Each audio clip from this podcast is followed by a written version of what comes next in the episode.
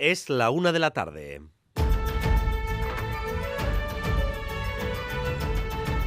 Crónica de Euskadi con Dani Álvarez. Arrachaldeón, la economía vasca sigue creciendo de forma estable. El año pasado Euskadi creció un 1,8%, que es prácticamente la mitad que el año anterior, pero que permite llevar el paro a niveles mínimos y sobre todo muestra a nuestra economía con una resistencia capaz de sobreponerse a situaciones comprometidas. Ni la inflación, ni los conflictos de Ucrania y Gaza, ni tampoco el pinchazo que sufre Alemania impiden que continúe el crecimiento. Rodrigo Manero, Arrachaldeón. Arrachaldeón, según el Eustat y con los datos del último trimestre, que ha ido relativamente bien, el PIB de Euskadi ha crecido un 1,8% en todo 2023. Lejos del 4,4% del anterior, la desaceleración es clara, pero también la resistencia a una coyuntura muy complicada. El año pasado se crearon 16.000 puestos de trabajo a tiempo completo y se superan ligeramente las previsiones del Departamento de Economía del Gobierno vasco.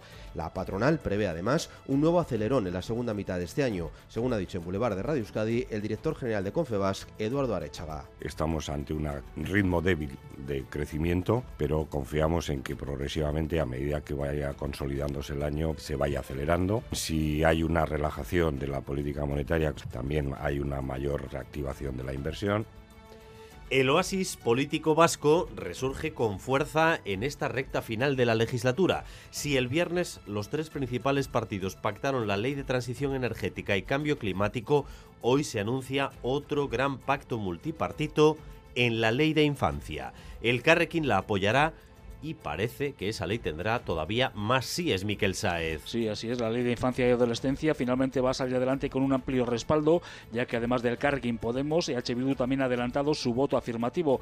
La coalición morada ha destacado que el nuevo texto legal recoge el compromiso del gobierno para la progresiva ampliación del permiso parental en un principio hasta las 18 semanas. Otra novedad, aportación de EH Bildu en este caso, es que se prohibirán los anuncios de comida rápida y de bebidas energéticas en la publicidad dirigida a los menores. Ya lo ven, fiebre pactista en estas últimas semanas de la legislatura. 1.300 personas han presentado reclamación en los últimos días para recuperar los gastos asociados a la firma de una hipoteca tras la sentencia del Tribunal Supremo que declaró ilegal que la banca cargara esos gastos a los clientes.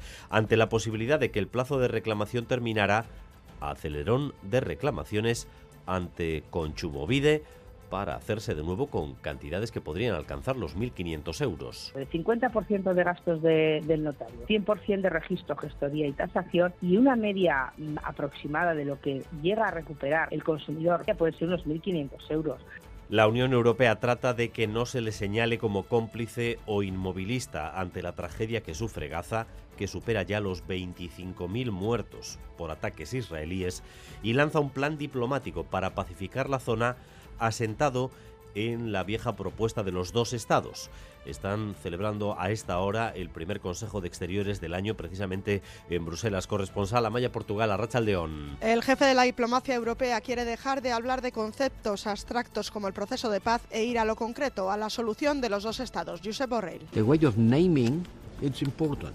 So from now on, I will not talk about the peace process, but about the two-state solution process. Y le pregunta a Israel cuál es, si no, su alternativa, que cuántos muertos en Gaza son demasiados. Su homólogo israelí es uno de los invitados a este Consejo de Exteriores, pero a su entrada se ha limitado a hablar de rehenes y seguridad, mientras que el titular jordano de Exteriores censura que con el no de Israel al Estado palestino están comprometiendo el futuro de toda la región. También está en Bruselas el jefe de la diplomacia palestina, si bien no se sentarán juntos a debatir sobre el asunto. En medio del conflicto laboral que hay en el transporte sanitario, seguimos con los sabotajes a ambulancias a vueltas. Hay un trabajador investigado por esos sabotajes que se están dando especialmente en Vizcaya.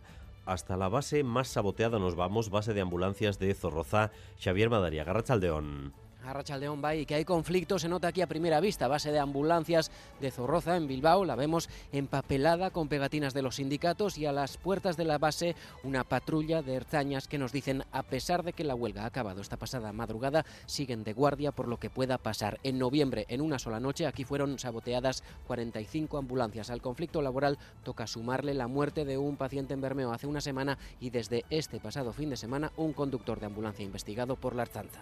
Navarra comienza su semana negra por excelencia gracias a dos festivales literarios dedicados al género noir.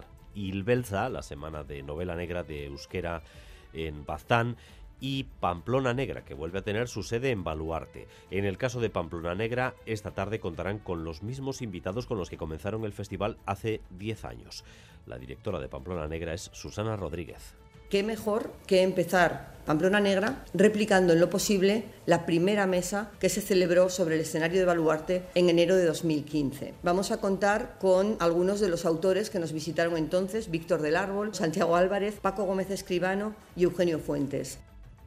Y vamos también con lo más destacado del deporte con César Pérez Gazolaz. Arracha Don César. Arracha Don Dani, comenzamos hoy, lunes, una semana que en lo futbolístico nos va a tener muy pendientes de la Copa, con las eh, opciones para Real Sociedad Athletic de poder meterse en semifinales. Mañana juega, juega, vuelve a jugar la Real, el equipo de Imanol en Vigo, 72 horas después tan solo de haber ganado en Liga al Celta el pasado sábado. Y el miércoles el turno para el Atlético, para el equipo rojiblanco que recibir en Samamés al Fútbol Club Barcelona. Y en pelota, hoy dos partidos de la Winter Series desde esta punta de Guernica. El Olaran del Río contra Eriki Bailo, que se tuvo que suspender hace una semana por humedades en el frontón. Y el Arbe contra la Duche y Gorka. En cuanto al tiempo, cielos cubiertos y temperaturas suaves que podrían superar hoy incluso los 17 grados. A partir de las 3 estaremos pendientes de la costa porque se va a activar un aviso amarillo por riesgo marítimo costero con olas que podrían alcanzar hasta los 4 metros de altura esta noche. Un aviso que se va a prolongar hasta mañana por la mañana. Aviso amarillo por impacto marítimo costero. 18 grados de temperatura en Bilbao, 17 en Donostia, 15 grados de temperatura en Bayona, 13 en Gasteiz y 7 grados en Iruña. Gracias un día más por elegir Radio Euskadi y Radio Vitoria para informarse. Raúl González y José Ignacio Revuelta se encargan de la dirección técnica, María Cereceda de la coordinación. Crónica de Euskadi con Dani Álvarez.